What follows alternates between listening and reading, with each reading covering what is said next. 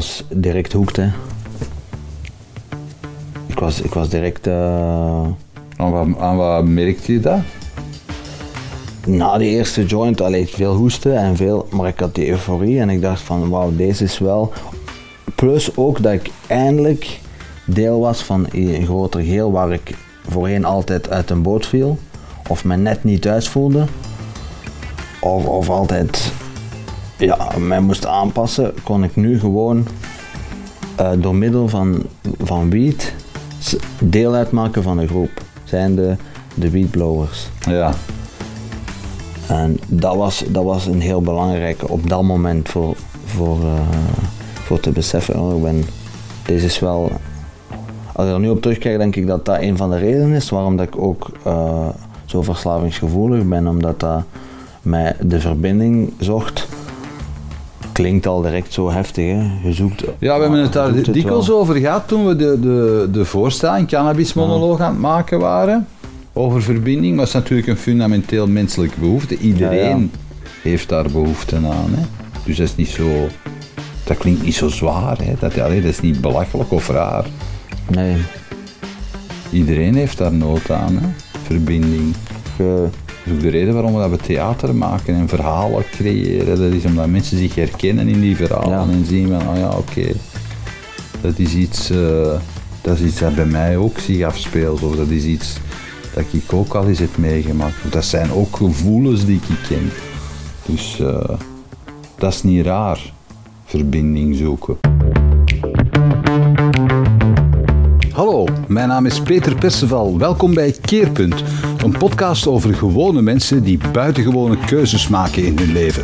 Mensen zoals u en ik die hindernissen, uitdagingen, problemen, veranderingen tegenkomen in hun leven en vertellen over de manier waarop ze daarmee zijn omgegaan. Omdat het voor iedereen inspirerend kan zijn.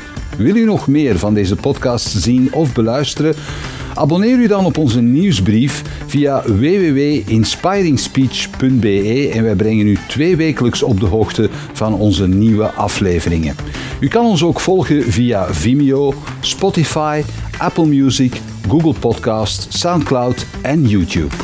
Vandaag praat ik met Jacob Perceval. Dat is inderdaad mijn zoon. Hij is ook acteur en samen maakten we een voorstelling over zijn cannabisverslaving. En dat was zowel voor hem als voor mij een bijzonder leerzame ervaring.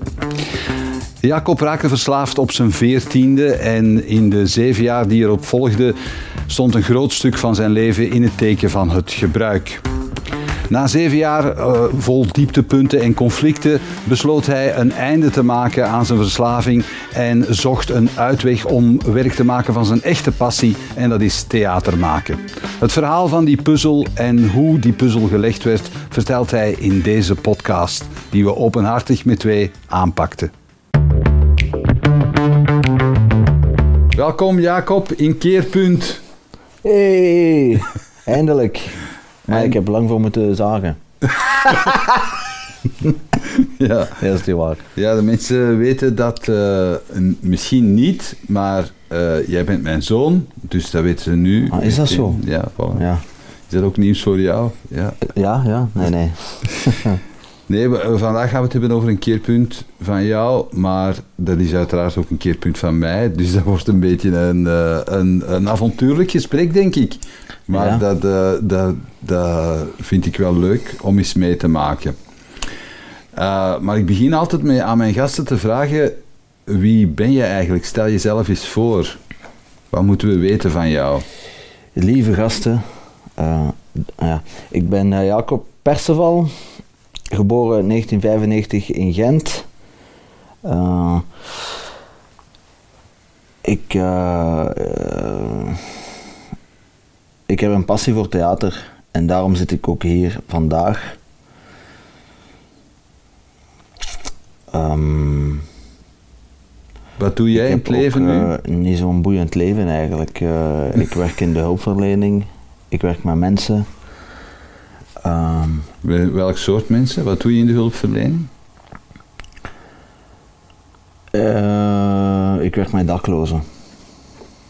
Ja, Je bent zelf verslaafd geweest. Hoe lang ben je nu niet meer verslaafd? van gisteren. ik ben gisteren afge... Nee, nee.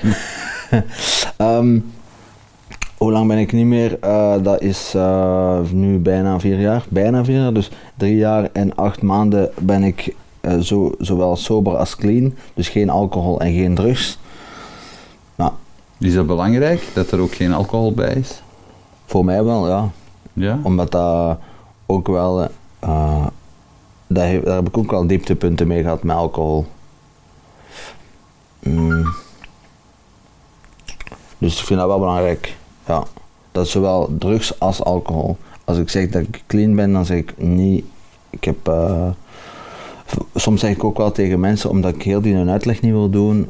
Zeker als ik weet van oké, die mensen ga ik niet lang zien.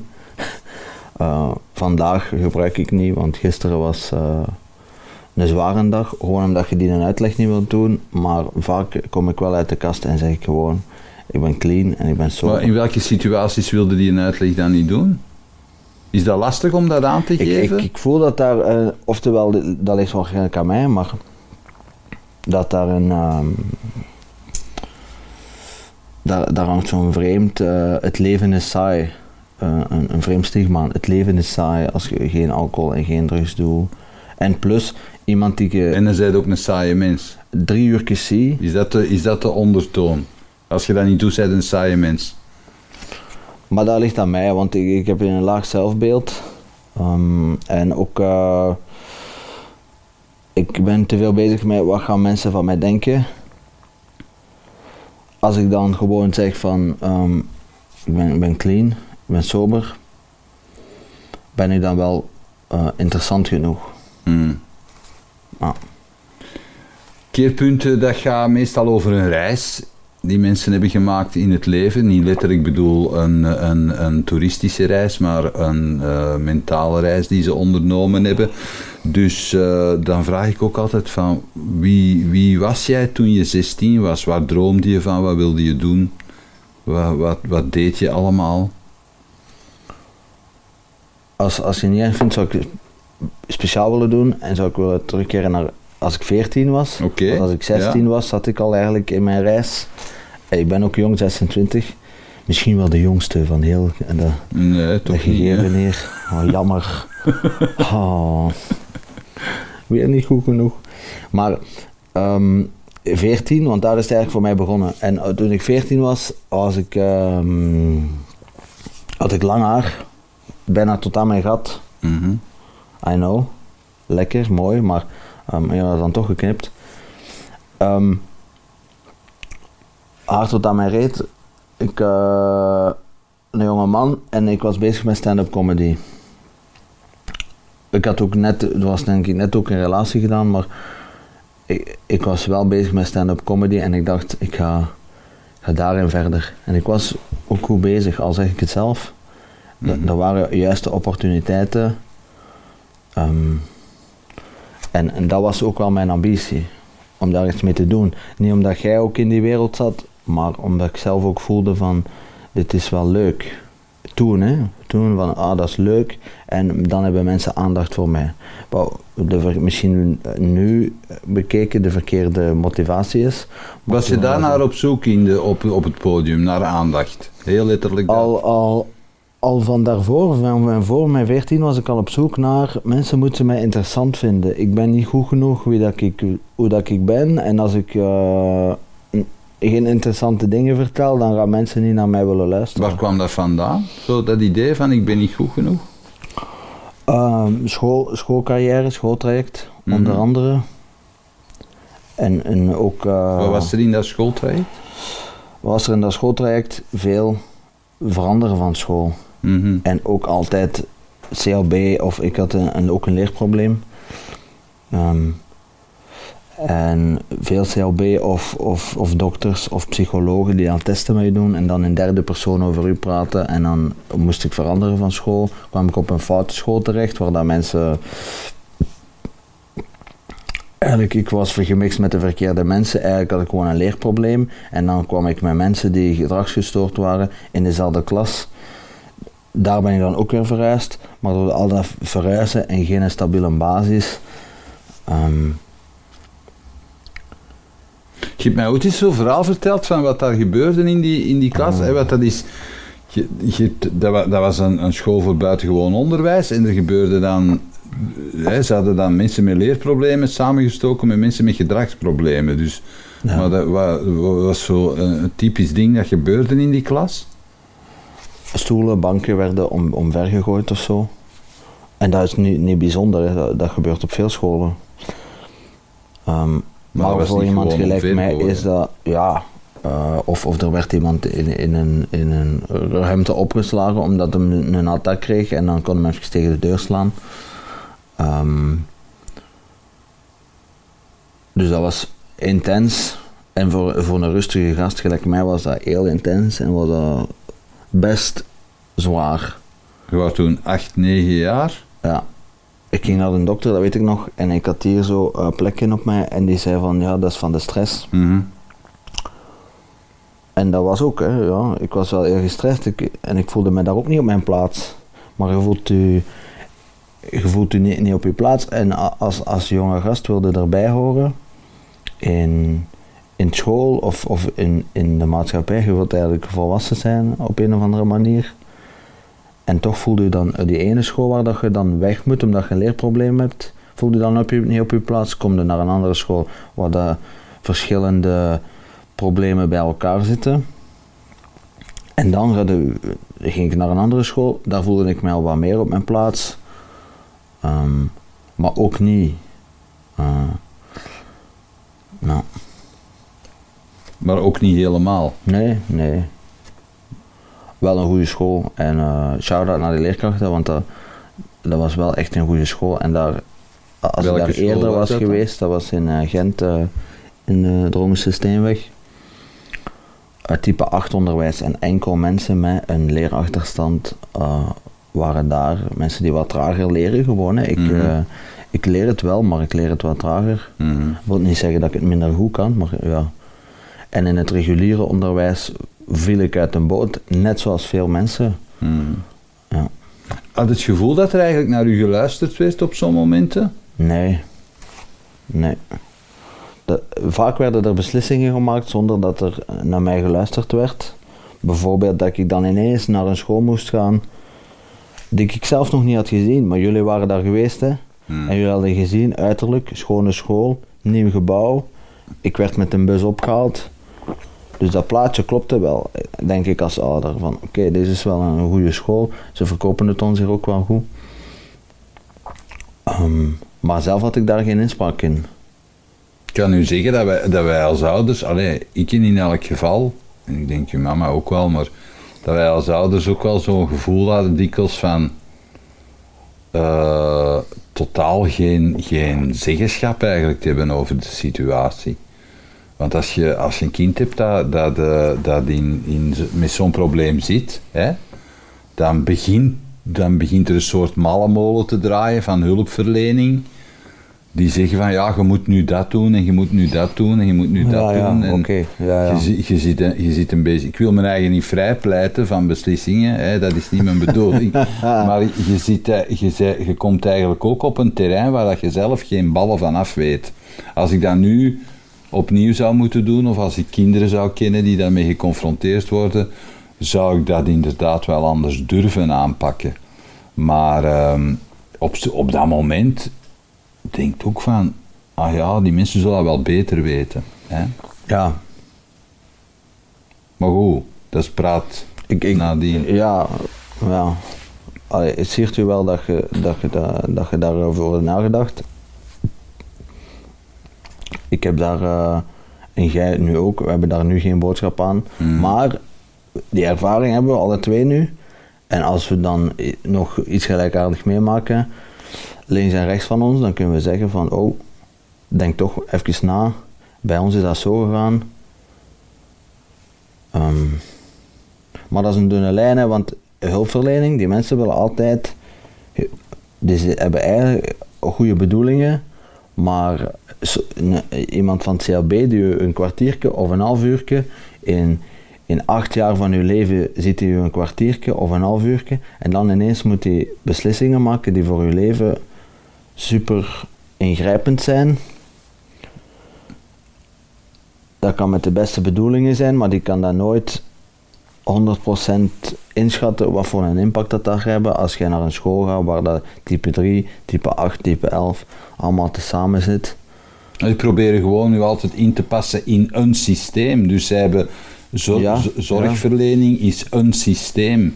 En dus ze proberen nu ergens in dat, in dat systeem in een vakje te krijgen waar, dat ze, waar dat ze zich dan geen zorgen niet meer over moeten maken. Hè.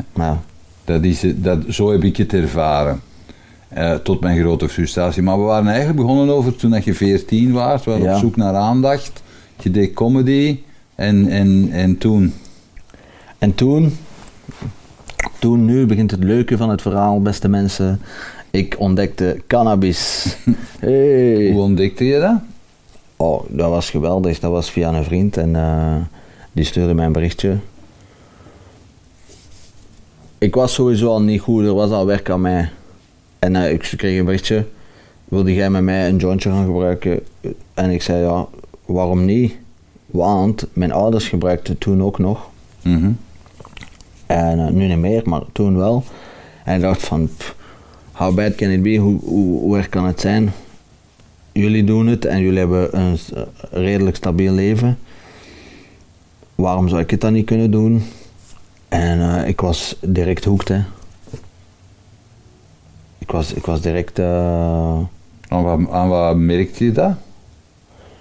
Na die eerste joint alleen veel hoesten en veel, maar ik had die euforie en ik dacht van wauw, deze is wel.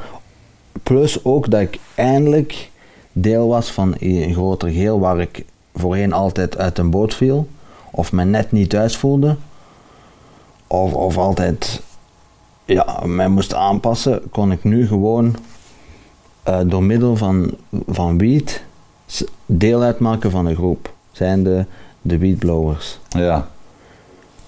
En dat was, dat was een heel belangrijke op dat moment voor, voor, eh, voor te beseffen. Oh, ik ben, deze is wel. Als ik er nu op terugkijk, denk ik dat dat een van de redenen is waarom dat ik ook eh, zo verslavingsgevoelig ben, omdat dat mij de verbinding zocht. Klinkt al direct zo heftig, hè? Je zoekt. Ja, we hebben het daar dikwijls over gehad toen we de, de, de voorstaan, cannabismonoloog aan het maken waren. Over verbinding, maar het is natuurlijk een fundamenteel menselijke behoefte. Iedereen Ja, ja. heeft daar behoefte aan. Hè? Dus dat is niet zo... Dat klinkt niet zo zwaar. Hè? Dat, allee, dat is niet belachelijk of raar. Nee, Iedereen heeft daar nood aan. Hè? Verbinding. je, Dat is ook de reden waarom we dat we theater maken en verhalen creëren. Dat is omdat mensen zich herkennen in die verhalen Ja. en zien van, oh ja, oké, dat is iets, eh, dat is iets dat bij mij ook zich afspeelt. Of dat is iets dat ik ook al eens heb meegemaakt. Of dat zijn ook gevoelens die ik ken. Dus eh, dat is niet raar, verbinding zoeken. Maar jij vond het in cannabis. ik vond het in cannabis. En eh dat Maar wat deed het dan? Vlakte het dan dingen af voor jou? Wat, wat, wat ook wel. Eh, ik zeg niet dat jullie mij trauma's hebben gegeven, dat zeg ik niet. Mhm. Maar, ehm, Maar toch, maar toch een beetje. toch een klein beetje. ja. Hoe kunnen we zo snel mogelijk beginnen wenen op deze podcast? nee, ehm, ik, ik had gewoon een andere manier van aandacht nodig. En, en als ouder Wel- heb, heb je geen, geen handboek van hoe moet je een kind opvoeden, maar ik had een andere manier van aandacht nodig. We, we, wat, was dan, wat was er dan, welke andere manier van aandacht zochten?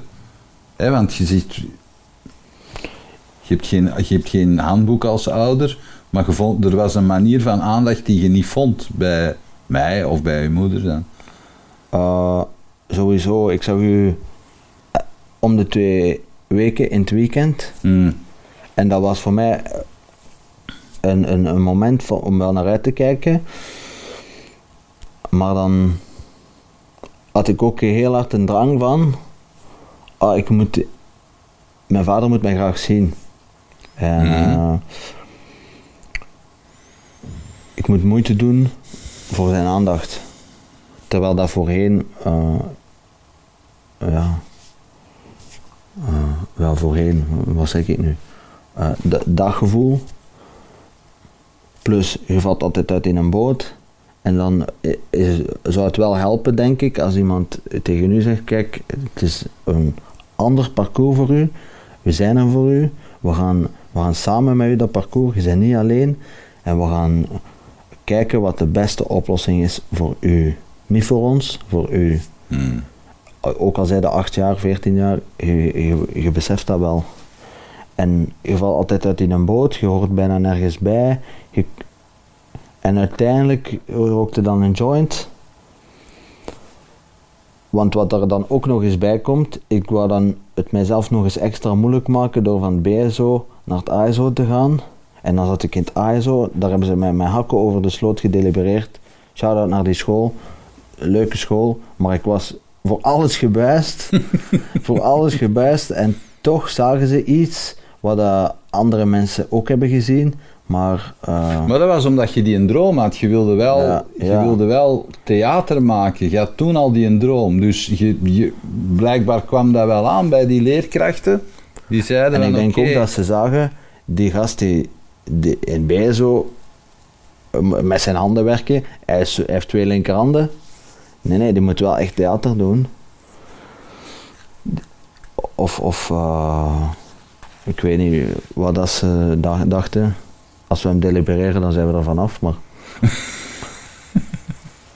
en dan kom je uiteindelijk in het KSO terecht. En daar in die grote vakantie van, van het ASO naar het KSO heb ik, eh, heb ik de eerste keer een joint gerookt. En ik voelde mij ergens bij horen. En ik dacht van, yeah, ik ben niet meer langer Jacob, maar ik ben Jacob de cannabisgebruiker. En ik heb, ik heb iets om voor te leven. ik heb vrienden Ja, die Ik- mij gewoon ik heb aanvaarden. vriendschap die mij aanvaarden voor wie ik ben. Hmm.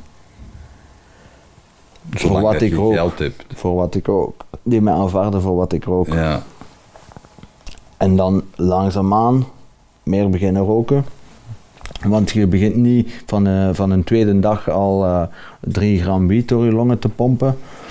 Dat begint geleidelijk aan en dat is vrij sluipend was dat bij mij. En, en, en, en Wat ik mij altijd heb afgevraagd, ik bedoel, je zag dat inderdaad thuis.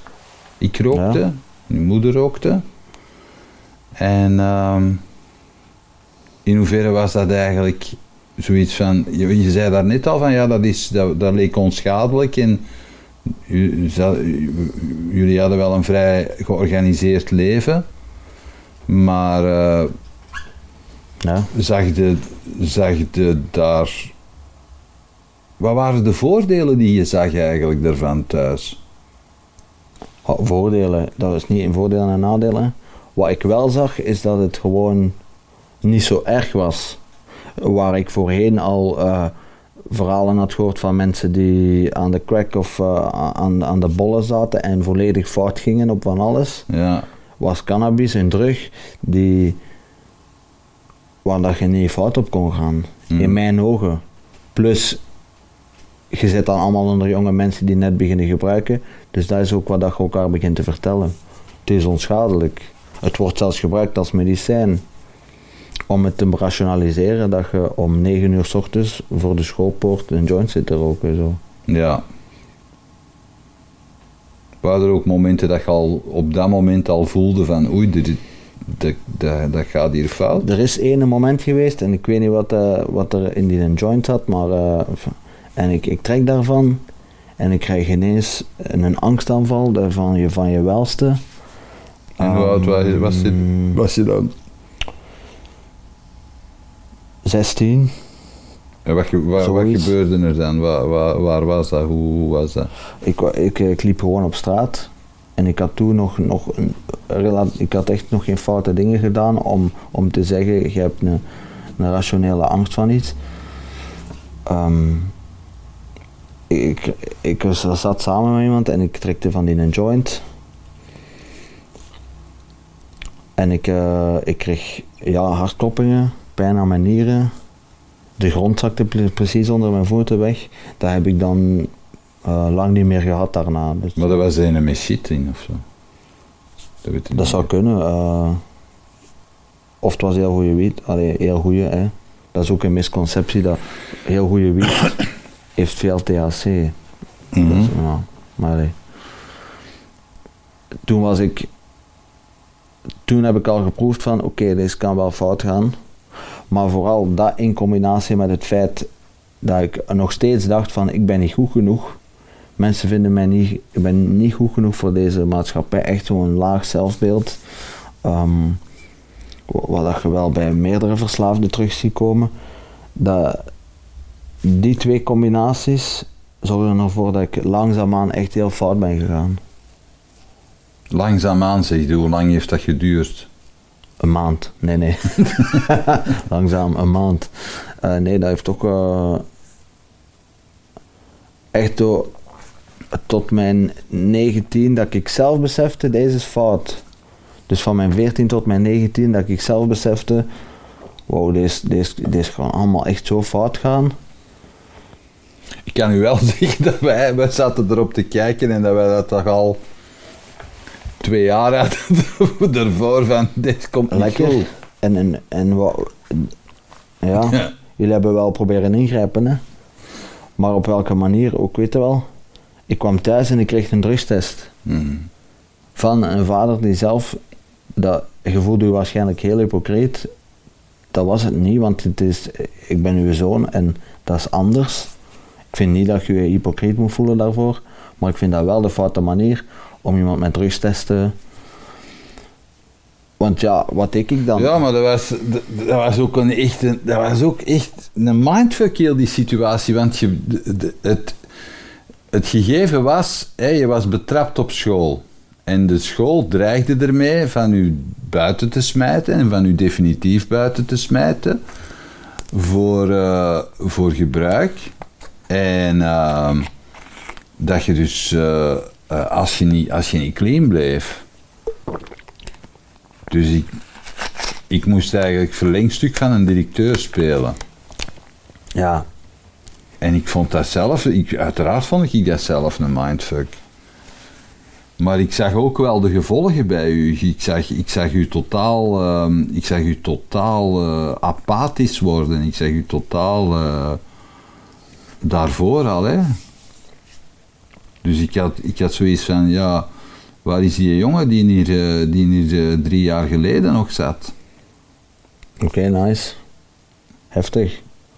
Ik had, dat, ik had die ervaring niet. Voor mij was het nog leuk. Hmm. Ehm, en het was ondertussen ook echt een fulltime vluchtweg, vluchtweg geworden. Hmm. Voor ehm, een vluchtweg. Eh, en, en ook, eh, ik was dan van KSO en daar was ik dan, die eerste school heeft mij dan, eh, die zagen iets wat, hè, die hebben mij dan erdoor gelaten. En die tweede school, die hebben gewoon eh, de keuze gemaakt en, en dat was, eh, oké, we gaan hem, we gaan hem buizen. Hmm. Shout-out naar die school, want ik ga nog, ik kom nog terug. Ik ga iets met theater doen. Ehm, maar het was een fulltime vluchtweg geworden. Ik ga van het KSO terug naar BSO. En in BSO kom ik dan terecht in, in, in een klas waar daar bijna iedereen bloot, op, op drie mensen na. Hmm. En ehm, dat, ja, dat, dat was ook wel tof. Op een of andere manier, als je jong bent en dan gewoon veel beginnen blowen en, en veel beginnen interessant doen ook, terwijl dat je bloot. En ineens denkt de school dat ik een dealer ben. Dat ik, eh, dat is, eh, daar lach ik nog mee, want die zeggen, die denken... Waar die- kwam dat vandaan die eigenlijk? dachten dat ik een kilo wiet naar school ging meebrengen. Nu, ik ben, ik ben stom geweest in, in, in mijn verslaving, maar een kilo wiet naar school meebrengen, ik weet, voor de mensen die dat niet kennen, dat is wel een vuilzak. Ja, maar ik herinner mij dat gesprek met die directrice daarover ook. En die vrouw die was echt... eh, soms om mee lachen. Dat wij daar met twee zaten en dat die dat zo kei verontwaardigd zei. Die, wilt, die, heeft, die heeft ergens een kilo wiet. En ik dacht, terwijl dat hij dat zei, ik wil weten waar die kilo wiet is eigenlijk. Ik ga wat afroken, uiteraard. Nee, maar aan de andere kant eh, eh, was mijn reflex ook onmiddellijk een kilo wiet. Weet jij wel wat dat kost? Die vrouw die, die, die, die balkte dat zomaar op tafel. En ik dacht van, een kilo wiet, je weet niet hoeveel dat, dat kost of wat? Spreek je hier over? Wat, wat, wat kost dat? 5000 euro of zo? Als je de goede mensen kent, is dat 5200 euro, maar als- als je sle- slechtere wiet is dan 4000 euro. Ja, maar ja, ik bedoel, Ik kende niet de goede was, mensen. jij was 16, 17 jaar. Je, ken, je, had niet zo, je had geen 4.000, 5.000 euro op zak om dat zomaar te nee, investeren in een kilo zeker niet. Dan moest ik al eh, eh, iemand vinden die aan mij zou willen lenen, maar dat, dat gebeurt niet. En gelukkig is dat niet gebeurd, anders was ik echt... eh, Anders had het wel gedaan, ja. Misschien wel. En, jij eh, zover dat je dat soort- echt, eh, Ik heb echt zo mensen schade berokkend. die- Machinaties wilde doen. Mensen die me echt vertrouwden, heb ik schade berokkend. En dat is niet omdat ik... eh één, omdat ik lomp ben in die dingen. En, en twee, omdat ik zo verslaafd was dat ik gewoon dacht aan mezelf. Ik, ik, ik, ik, ik. Hoe kan ik zo snel mogelijk mijn fix krijgen? Dus er waren er hier en daar mensen die mij dan... Of ik had die gemanipuleerd door mij te vertrouwen die, die mij dan 100 euro hadden gegeven. En ik was ook een hele slechte dealer. Dus als ik, oftewel, eh, gaf ik hun voor 100 euro wiet en dan had ik er zelf niks aan. Oftewel, eh husselde ik en dacht ik, oké, ik ga die mensen nu even parkeren en ik fix dat wel later. Waardoor dat er eh, mensen echt kwaad op mij zijn geworden, uiteraard. En, en omdat ik die eigenlijk gewoon in hun ogen in het zak heb gezet. En ik dacht altijd, ja, ik, ik, doe, ik fix dat morgen wel. En morgen werd dan zes weken. Eh, Hmm. en eh, wat er op school dan, eh, om dat verhaal af te ronden. Wat er op school dan de ronde ging, is dat er... dat ik een kilo wiet ging verkopen, omdat er iemand in de gangen zijn mond had voorbijgeklapt en gezegd dat ik eh, aan wiet kon geraken. En, Maar had jij dat dan ook vanuit een soort grootspraak wel eens gezegd van als je wilt, kan ik zelfs een kilo fixen? Ja, vast en zeker dat ik dat wel, eh, ik denk dat ik dat meerdere keren tegen mensen heb gezegd. Zo. Zo van, eh, ik ben, ik ben een hele straffe. Ik ben een straffe. Ik, ben, eh, ik, ben wel, ik kan wel een kilo wiet fixen. Terwijl, als ik het al kon fixen, dan ging het voor een belachelijk dure prijs zijn. En zeker toen. En, maar dan was, hadden mensen wel een reden om bij mij te zijn en om mij lief te hebben, want ik ben interessant en ik kan hun iets fixen. Wat natuurlijk een luchtbel is die, die ontploft altijd, maar Hmm.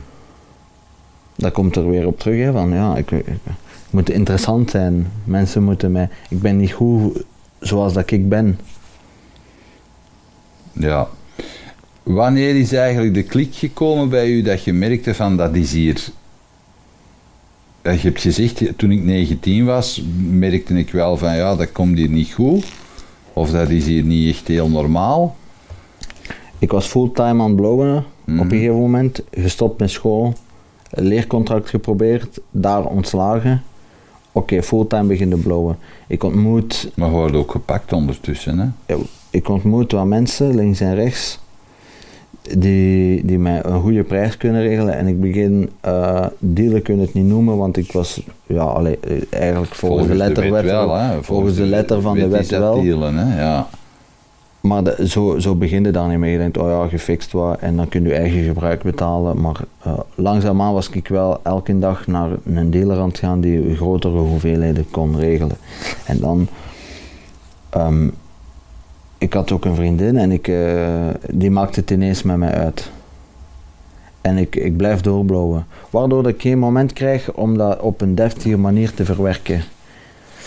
Ehm, en dat wordt dan Maar waarom bleef je doorblauwen? Was dat, kwam dat Ja. hard aan? Dat, De- dat die- plus dat één, één, één kwam daar hard aan en twee was dat een manier om, om mij beter te voelen. Mhm, Oké. Uh, en ik voelde mij ook, dat was een quick fix, hè, eventjes. Maar op, op lange termijn, ja, daarmee zeg je krijgt geen manier om dat deftig te verwerken. En toen begon het fout te gaan. En, en, en Waardoor? Eerst, Om- omdat je, want je had dan, je ging grotere hoeveelheden halen, die verkochten dan door. ja, ja. En waardoor liep het dan fout? Ik had, eh, ik had ook al de verkeerde mensen gelijk dat ik al in het vorige gesprek, door interessant te doen, of ik, ik fix dat wel, of ik doe dat wel, of, of geef mij 150 euro en dan kwam ik niet opdagen, of leen mij die een zak wiet en ik zal dat wel fixen voor u. Eh, gewoon de verkeerde mensen in het zak gezet. Eh, Echt mensen die eh, goed zijn in hun hart, die mij vertrouwden. En dan gewoon heb ik gewoon gezegd, knal, hier, eh, pff, kan me niet schelen. Eh, eh, en die mensen waren, werden dan kwaad op mij en, en sommigen waren ook op zoek naar mij. En eh, anderen zeggen dan, ja, een zielige gast, ik ga maar met rust laten.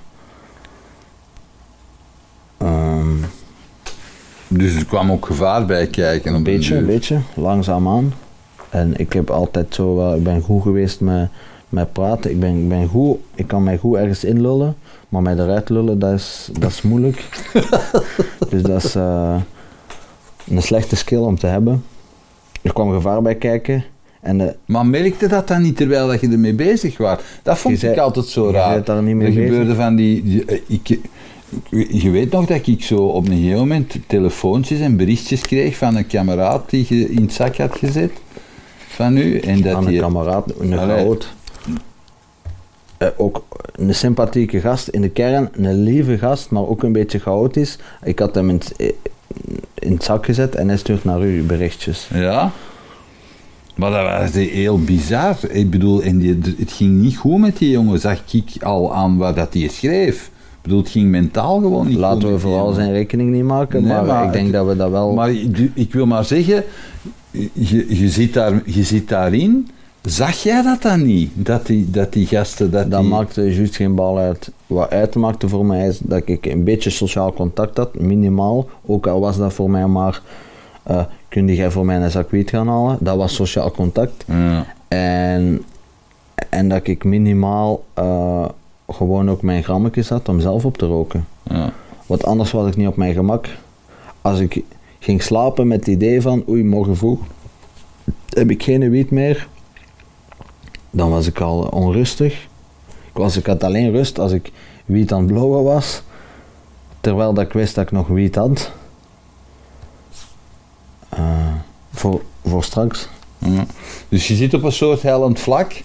En wat, zorgt gaan. ervoor dat je er op een gegeven moment dat je omkantelt? Ik blijf gaan, ik blijf gaan. En ik word ineens eh, paranoia. Niet uit. Uit het niets kwam dat niet. Hè. Plus ik had die relatie, ik kon dat niet op een deftige manier verwerken. Ik bleef doorblowen. Ik omring mij door de foute mensen die. eh, Die hebben mis- wel, eh, misschien wel een, goed hart, maar. ehm, die hadden niet het beste met mij voor.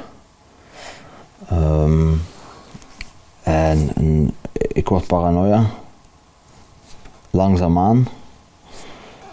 Wordt het erger en erger. En denk ik van, oh shit, die mensen die ik allemaal, eh, waar dat ik, die ik, eh, waar dat ik tegen gelogen heb en bestolen heb, die mensen, dat gaan allemaal terugkomen in mijn gezicht. Dat kwam ook wel op diverse manieren terug in mijn gezicht, maar ik dacht dat er nog zo een finale ging komen. En eh, daardoor, door heel tijd die wat als in mijn hoofd en, en te blijven doorblowen en, en niks ook hebben om voor te leven, buiten dan de wiet, werd ik super paranoia. eh, tot on- onredelijke proporties, want je kunt wel zeggen van ik heb eh, een, een redelijke angst van iemand die mij op mijn gezicht komt slaan en mijn tanden eruit slacht, omdat ik geld van heb gestolen. Dat is logisch, maar niet eh, dat er 100, nee, eh, 900 man dat komt doen, weet je wel. Op een gegeven moment heb jij mij gezegd dat er een soort moordcomplot tegen u was. Ja, je zegt dat wel, maar ik, ik herinner me dat niet meer. Ja. En ik wil dat ook niet we- wegduwen en zo. Ik heb daar al met mensen over gehad, dus eh, ik herinner me dat niet meer. Je zit in een waan Mhm. en eh, sommige dingen herinnerde nog, sommige dingen niet. Maar weet je wat ik nu zo, zo, zo raar vind? In, in, in dat verhaal, je begint daaraan omdat je verbinding zoekt, in verbinding wilt met mensen, hè, wat een, een echte fundamentele menselijke nood is. En ehm, na, na zes, zeven jaar kom je op een punt waarbij dat je eigenlijk geen verbinding niet meer kunt maken, omdat je in die waan zit. Hè? Want ik probeerde, ik heb heel veel, ik herinner mij in die periode, ik heb ik heel veel met u gepraat daarover. En, en, en, en, en echt rustige gesprekken daarover gehad en u daarin proberen te, te, maar wel, te horen. En je, dat als jij nu zegt van, ik herinner mij op dat niet op meer. de verkeerde manier wel. Ik heb, Ja. een paar gesprekken en als ik, als, ik, als ik het zou moeten doen met iemand, Mhm. zou ik niet ontkennen wat dat hem beweert. Ook al is dat, Maar dat heb ik ook niet gedaan. hè. ik, ik heb een Eiffeltoren, maar dat, wa, dat was wel mijn gevoel wat het Ja. eigenlijk nog erger maakte. Mhm. Ook, al, ook al heb je dat niet gedaan, Mhm. was dat wel mijn gevoel. Als- Maar als iemand zegt, ik heb een Eiffeltoren in mijn living, ga ik zeggen, ah maat, oké. En, hoe is dat? Niet van, allee, dat is onredelijk, een Eiffeltoren, dat kan toch niet? Eh, en dat was wel mijn gevoel, dat mijn ouders me niet geloofden, wat het eigenlijk alleen maar versterkte. Ja, wat, allee, het is, hier- ik wil geen wel eens niet een spelletje van maken, ja. maar dat was, dat, was, dat was echt niet wat ik gezegd heb toen. Maar, integendeel, ik heb dat heel erg herkend. Ja, oké. Ah, het was wel mijn gevoel. Daarom dat ik, ik wil het ook niet ontkennen. Nee, maar het is dat ik bedoel. Hè? Je, je, je, je bent zo de verbinding kwijt, dat je ook dat gewoon niet meer ziet of merkt. Hmm. Dat Er was wel een, een redelijke angst, omdat, ook omdat ik op bepaalde, bepaalde mensen in het zak gezet die ook wel... eh, Mhm. Ja. Maar dan die gast die u berichtjes had gestuurd, die had dan eh, ook weer mensen aangezet om nog meer ambetantig tegen mij te doen. Hmm. En allemaal omdat ik gewoon mijn grammetjes wou halen. En, en, en daardoor ook en interessant wou doen. Dus eh, Maar wat heeft er uiteindelijk voor gezorgd dat je hebt gezegd van oké, dit, dit moet stoppen? en, en, en dus er zijn vo- vooral drie belangrijke factoren. Hmm. Zijn de, eh, ik werd opgepakt en ineens spuwt heel dat milieu mij uit. Terwijl dat ik, eh, dat milieu, hè, de mensen die nog contact met mij wouden, waaronder een dealer die. En dan ineens kreeg ik langzaamaan ook de realisatie: het, het is niet meer vol te houden. Dan wou ik hulp vragen, want ik had, ik had mentale problemen en daarvoor wou ik eigenlijk hulp vragen. Ik, ik had ook problemen met mensen fysiek en ik dacht van dat is het allerbelangrijkste om dat eerst op te lossen. En dus ik ga naar iemand en ik vraag hem hulp en die zegt ja gast, jij moet gewoon eerst stoppen met weedblowen en eh, eerst even aan jezelf werken. Hmm. Dat heb ik dan geprobeerd, is niet gelukt. Wat, was dat dan, aan uzelf werken? Stoppen met blowen. En, en, en, en samen met mensen omgaan die dat ook doen. Of die dat ook willen stoppen met gebruiken. Ehm, Maar dat lukte niet direct. dat lukte niet direct. Dat was, eh, ik was nog zo paranoia dat ik dacht... pff. En dan ben ik naar de psychiatrie gegaan en blijven blowen. Ben daar, dat lukte niet direct. Een jaar later dacht ik van, oh nee, het is weer onhanteerbaar. Ik, kan weer, ik heb weer, wat, gaan, wat gaat er van mij komen binnen een paar jaar? Ik ga naar de psychiatrie, want ik ben helemaal krankjorum. Ik kom in de psychiatrie en daar werd het eigenlijk ook niet beter, maar ik bleef wel doorblowen. En ik dacht, eh, toen zat ik nog in die tussenfase van, wiet is eigenlijk niet het probleem. Ehm, maar wiet was wel het, een van de grote problemen. En ik kom in de psychiatrie en die zeggen tegen mij, ja, we kunnen u niet helpen tenzij dat je stopt met blowen. Die geven mij een paar drugstesten. Ik, ik test positief. En dan zeggen ze, we gaan u naar een andere afdeling sturen. Een afdeling met mensen die ook allemaal, eh, dus dubbeldiagnose, zowel psychose als... eh, Hmm. en ik neem die mensen dan niet kwalijk. Die wilden me echt... Die, die willen mensen de, op, de, op hun manier, op de juiste manier helpen. Maar eh, soms voelt dat zo verkeerd aan de psychiatrie. Voor mij voelde dat aan alsof dat ik... eh oh, was weer die pijn van vroeger. Ik ben weer anders, ik ben weer speciaal. En speciaal kan wel goed zijn als je interessant bent, maar ik val weer uit een boot in de maatschappij. Uh, en dan kwam die pijn terug naar boven en dan, eh, dan kom ik in die dubbeldiagnose waar niet iedereen wil stoppen. En ik kwam daar een gast tegen, vergeet ik nooit meer.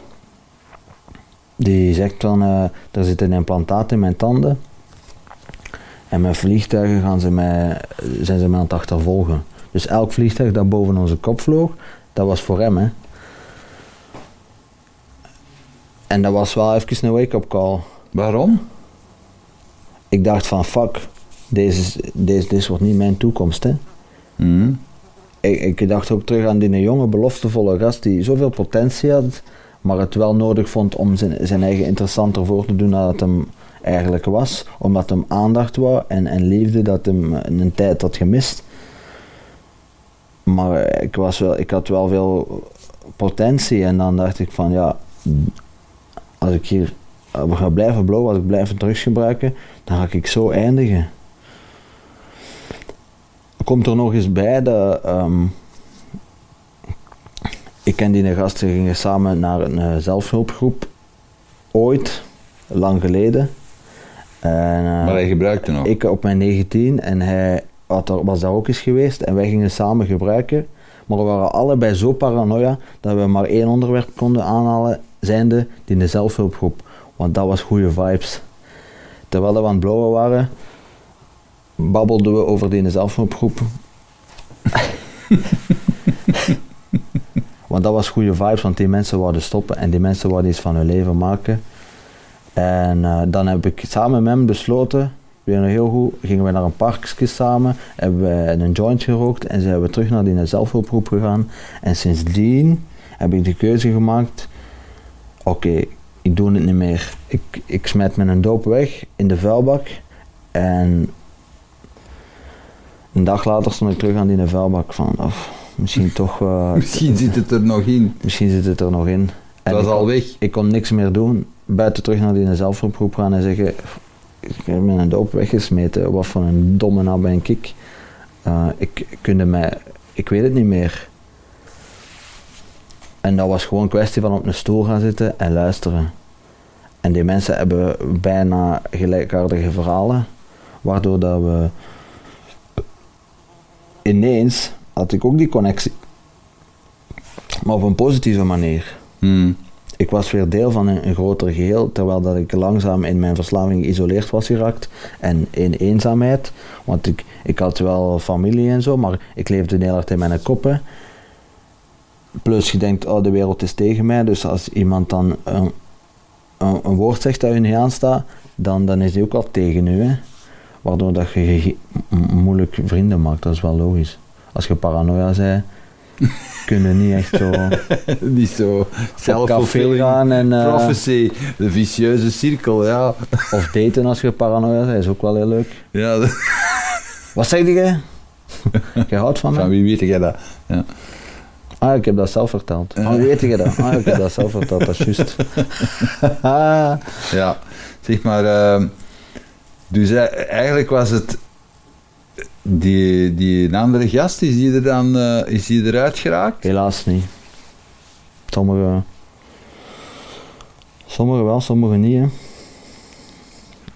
Um, sommige mensen sterven. Maar was er, waren er dan ook van, waren er dan ook helemaal vanaf? Heb je nog relapsen gehad? Of heb je nog, hoe, hoe ging dat dan? Meer, sindsdien niet meer. Oké. Okay. Dan was ik 21. Mm -hmm. En ik was ondertussen van mijn 19 tot mijn 21 wel zo. Ja, ging het helemaal fout. En uh, dan heb ik geen relapse meer gehad. Je moest wel nog de gevolgen dragen en opruimen. Ik herinner mij dat je dan. Ook een van de redenen waarom dat ik dacht: fuck, deze is toch wel onhanteerbaar. Je zei, ik ben, je zei echt veroordeeld voor dat dealen, hè? Ja, helaas wel. Uh, lomp eigenlijk, want ja. Maar ik uh, ben veroordeeld voor dat dealen en ik kreeg een wegstraf. Die mag je zelf inplannen. Je hebt een jaar om dat uh, af te handelen. En ik uh, doe het volgende profetische. Ik overslaap mij. Ik heb een wegstraf, ik blow en ik overslaap mij. En in plaats van I come clean en ik zeg sorry, ik heb mij overslapen, wat iets heel menselijk kan zijn. Ja Zeg ik, ja, maar ik kon niet komen, want ik moest naar het ziekenhuis en ik heb iets aan mijn ogen. Voor een werkstraf. en, eh, de, en dan ineens zeggen ze, ik dacht, ik lul mij er wel uit, want dat was my way to go. Ik lul mij er wel uit, zo, ik doe dat wel even. Maar toen had ik nog niet de realisatie, ik kan mij er goed in lullen, maar mij eruit lullen, dat is... en uh, je kent mij een beetje, dus je ziet dat waarschijnlijk Ja, een beetje u. wel.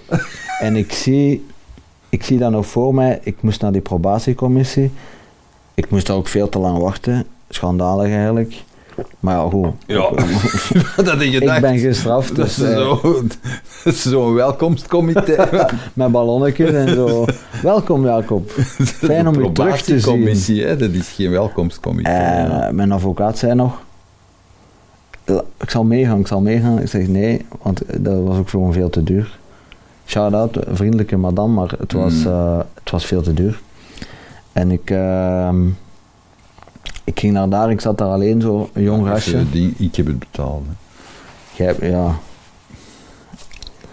Kan en ook zo eh, applausje geven. Ja, maar nee, straks, eh, ik heb hier de rekening gereed zitten, ik zal dat straks citeren. Wat het dat allemaal gekost heeft. Ja, dat Ja, maar nee, mogen horen. En ik zat daar bij de probatiecommissie en die zeggen, ja, heb jij papieren, bewijzen dat je naar het ziekenhuis bent geweest? Natuurlijk niet, maar ik had wel via een dokter proberen fixen dat, dat hij mij op ziekte zette. Maar die dokter wou ook niet liegen voor mij, want die wist, die wist wat what's going on. En ik had dat dan zo halverlings kunnen bewijzen. En ik zeg zo, ja, maar ik ben ook ziek. En zo volledig in zelfmedelijden. Ehm, en die mens zegt toen gewoon, kijk uit, zo, jonge man, ga maar naar de gevangenis en je zult daar wel zien wat dat er met u gaat gebeuren. En tegen dat ik die aanmelding had gekregen, was ik al clean. Hè. De, Mm. wijkagent kwam en, eh, en die zei van, jij moet naar de gevangenis. Ehm, maar toen was ik al clean. Dat heeft er ook wel geholpen, denk ik, op een of andere manier, dat ik dacht van, fucking hell. Allemaal door dat blowen, is dat wel waard? Ik heb dan uiteindelijk een enkelband gekregen, dus dat was... Uiteindelijk heb ik ja, hm. enkelbandje.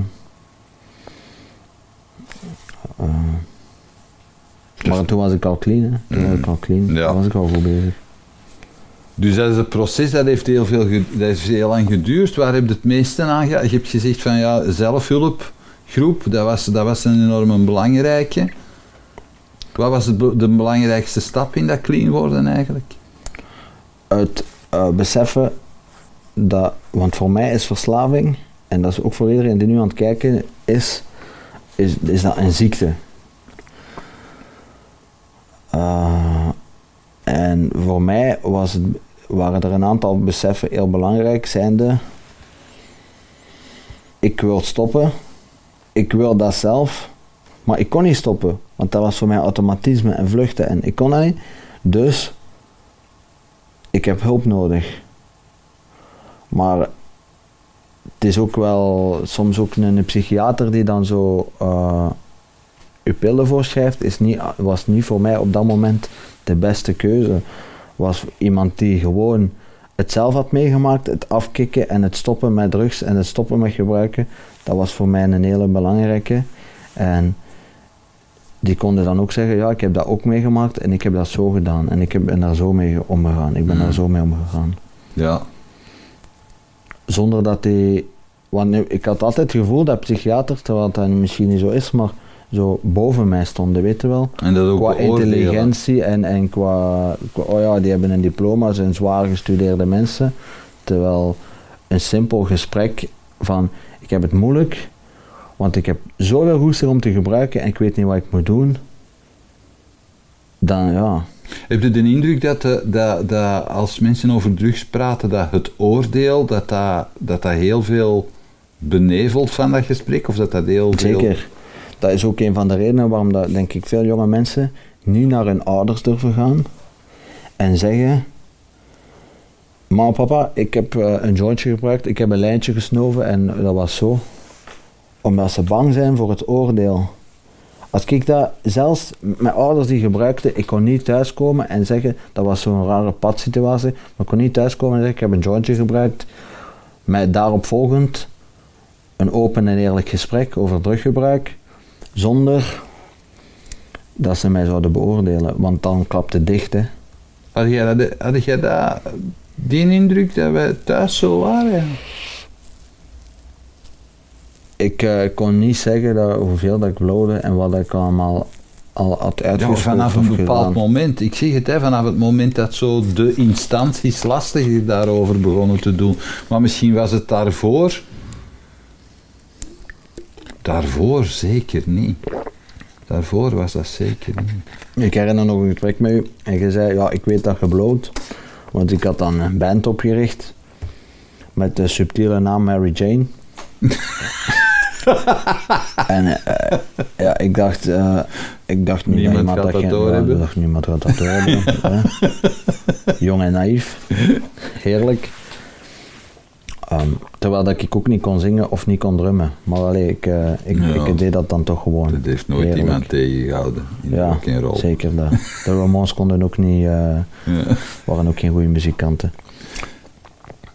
En jij zei tegen mij, ja kijk, dus ligt er wel vingerdik op. Ik weet dat je bloot, maar zie dat je er nooit mee gepakt wordt. En dat was gewoon eindig gesprek.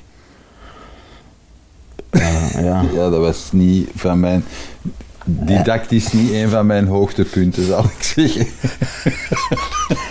ja, Nee. Ja, maar ik vind, dat, ik vind het jammer dat dat... Ik kan alleen maar...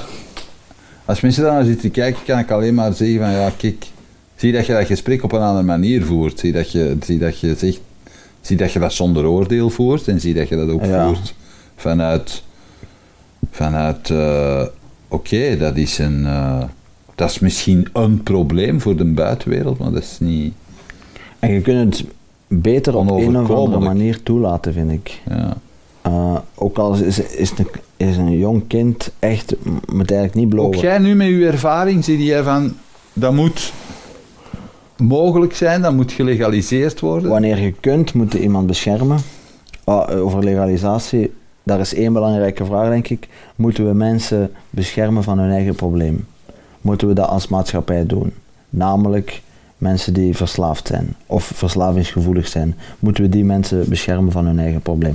Een liberaal zou zeggen, nee, eh, eh, vrije keuze, iemand moet maar zijn eigen problemen fixen. Ik denk dat we op tot een zekere zin mensen moeten beschermen. Maar hoe? Is dat door dat eh, allemaal illegaal te houden? Beschermde dan mensen? Duidelijk zijn er nog heel veel mensen die kunnen en willen gebruiken, die onbeschermd eh, gebruiken. Moeten dan een kot bouwen waar, dat, waar, dat je blowen, maar je moet wel naar dat kot gaan. Hmm. Is dat dan ook mensen beschermen? Ik weet niet. Ik denk wel dat je het tot op een zekere zin ah, moet normaliseren eerst. En als je het legaliseert, al die activisten ook, eh shout-out naar al die activisten die daar toch moeite voor doen, omdat ze gepassioneerd zijn door die plant. Kijk ook eens naar, oké, als we het nu als maatschappij gaan legaliseren, wat gaan we dan doen om de kwetsbare gebruikers te beschermen? Hmm. Ah, en een van die dingen is daar, want voor verslaving is geen gouden pleister van up en je bent niet meer verslaafd of er is geen. Voor sommige mensen werken, werkt cold turkey thuis afkicken en dan kunnen ze af en toe nog iets drinken. Andere mensen die, die moeten volledig stoppen. Andere mensen moeten eh, vijf jaar stoppen en zijn dan weer on track for life en kunnen dan nog af en toe iets doen. Er is geen gouden pleister, dus, maar dan moeten. Je bent nu heel hard bezig. Je- met- je- we we hebben samen die voorstelling gemaakt, hè, Ja. Cannabis Monoloog. Maar je bent ook heel hard bezig met, met jonge mensen eh, te helpen en met jonge mensen mee open te staan, met de voor raad en daad te geven. Ehm, de, is, dat een, is dat een soort uh, wiedergoedmaching? Machung? Zoekt je karma, Eh, je karma te corrigeren? Nee.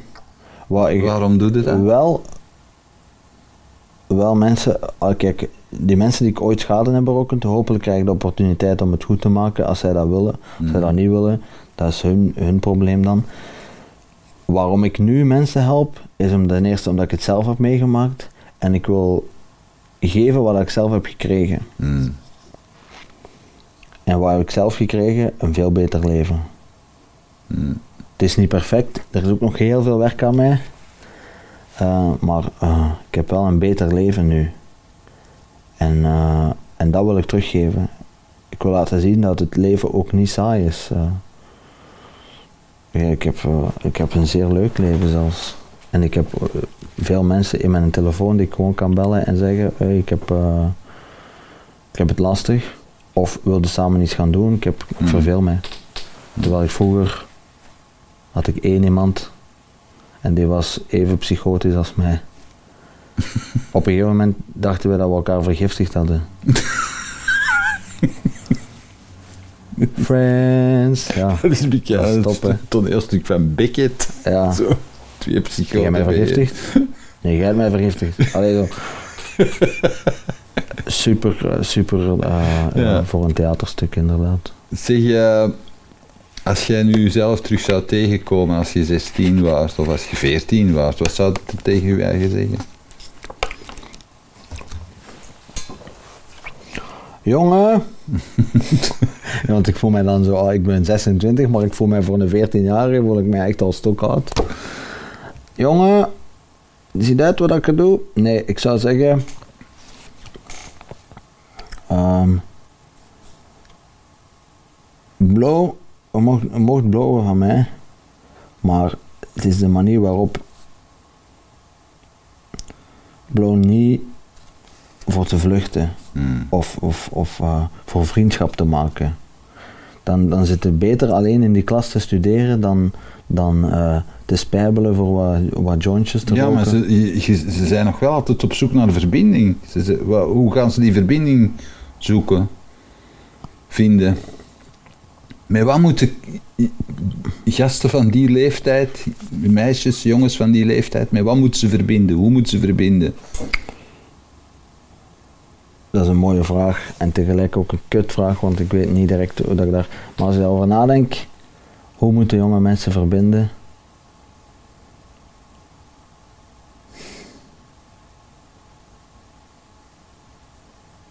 Ze moeten niet zoveel belang hechten aan die verbinding, want die komt wel. Die komt wel. En ook al is dat dan heel belangrijk, je kunt dat natuurlijk ook verbinden via scouts en zo, maar ehm, ook al is, lijkt dat heel belangrijk, is dat niet zo heel belangrijk. En als je eh, mentale problemen hebt, of je, of je voelt eenzaam en alleen, of je voelt je uit een boot gevallen, er zijn altijd, altijd overal ter wereld, ook in België, we zijn met genoeg mensen die hetzelfde hebben meegemaakt of gelijkaardige situaties. Spreek jezelf uit en er zullen mensen op je pad komen die, die hetzelfde hebben meegemaakt. Toon uw kwetsbaarheid. eigenlijk. Toon je kwetsbaarheid. Zeg, durf te zeggen, ik zit daar in die klas al twee jaar, ik voel mij eenzaam. En er, zal misschien er zullen zelfs misschien mensen komen om interessant te doen van ja, ik voel mij ook eenzaam. Hmm. Maar eh, Zo, en dan de wereldkampioenschappen eenzaam. ja, ik ben eenzamer dan jij. Ja. Nee, ik heb... Nee, maar het is wel zo. Het is, het is mooi wat je zegt daarover, omdat inderdaad verbinding maken heeft ook heel veel te maken met verbinding kunnen maken met jezelf. En weten dat wat jij voelt, dat dat echt is. En dat je dat ook kunt erkennen van jezelf. Ik zeg altijd, hoe kun je van andere mensen houden als je jezelf niet graag ziet? Ja, Ik zag mezelf niet graag, hè. ja maar dat is zo, dat, dat, dat is zo'n quote zo van... Van, de, Zo'n van zo, seksverslaafden. Facebook-spreuk zo van eh, je moet van jezelf houden. Maar wat wil dat zeggen? Hè? Dat, is, dat, dat vind ik altijd van. Wat, wat wil dat zeggen in de praktijk? Dat je echt kijkt. Wat wil dat voor mij eigen- zeggen? En dat je, leert, dat je jezelf leert kennen ook. Dat je niet zegt van alles, is, alles wat ik doe of denk is stof. Maar dat je jezelf ook echt leert kennen. Wat wil dat voor mij zeggen is lief zijn voor mijzelf. Hmm. Simpel. En ik denk dat we dan wel bijna klaar zijn. Als ik... als, als nu mijn hand is Is dat te veel? Is dat te Het is bijna tranen en... en eh, als, als mijn hand nu wordt afgehakt, Ja. dan ga ik naar een dokter. kun jij dat fixen nog op een Mm. of andere manier. Als ik iets mentaal meemaak, is niet mijn eerste respons, ik moet naar een dokter gaan. En eh, daarvoor, dat is vreemd, maar zo, zo zijn we wel. En ook hoe dat ik omga met, met falen. Ik ben niet lief voor mezelf. Ik probeer iets. Ik krijg nu maar iets. eh, een, een, een knappe vrouw aanspreken. Ik probeer dat. En die wijst mij dan af. Omdat ik, ik weet niet wat. Omdat ze haar eigen reden heeft. Of omdat ze niet, gewoon ook niet wilt. Wat ook super prima is. Maar dan denk ik al onmiddellijk, oh nee, ik kan het nooit meer doen. In plaats van, ik ga dat de volgende keer op een andere manier doen. Of dat anders Hmm. Oké. niet hard zijn voor mezelf en zeggen, oh, ik ben, ik ben niks waard. Mhm. Oei, ik heb iets. Mijn lichaam geeft me signalen dat ik een mentaal probleem heb. Het is oké dat ik dat heb. Het is oké dat ik me slecht voel. Waar droomde nog van? Ik wil eigenlijk gewoon eh, in deze volgorde in het commercieel circuit wat, wat theatervoorstellingen maken over eh, dingen dat ik heb meegemaakt en ook grotere thema's des levens. En dan daarna zou ik in het sociaal-artistieke eh, mensen willen helpen. Met theater. En als ik genoeg met theater, want ik geloof wel in de kracht van theater, wat het voor mij heeft gedaan, kan voor andere mensen ook doen. Mhm. En dan later, eh, als ik genoeg kilometers op mijn teller heb en bijna in een rolstoel zit omdat ik niet meer kan wandelen, eh, zou ik mijn kennis willen doorgeven. Mhm. Oké. Goed. Ik wens het u toe, Jacob. Mag ik mijn voorstelling nog pluggen? Ja, maar dat, dat doen we sowieso, hè. Oké, We gaan het er, eh, we gaan het er allemaal bij zeggen. oké, top. Oké. Cannabismonoloog. Nog jaren zal dat op tournee zijn. Ja, nog jaren, inderdaad. Binnenkort ook in het Engels en in het eh, Duits en in het Frans. Hè? Ja, ja. En in Spaans. en Portugees ook. eh, Ja. Mandarijn. We hebben al de rechten van eh, mandarijn hebben we groot publiek, dat moeten we doen. Oké, bedankt. En Allee, toch niet veel Ju. succes. Ja, maar dat gaan we nu doen.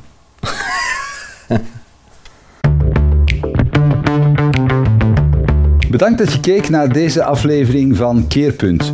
Wil je op de hoogte blijven van nieuwe afleveringen en nieuwe interessante gasten? Abonneer je dan op onze nieuwsbrief via www.inspiringspeech.be. Iedere twee weken brengen wij een nieuwe aflevering online op inspiringspeech.be, YouTube, Vimeo en Soundcloud. Tot ziens.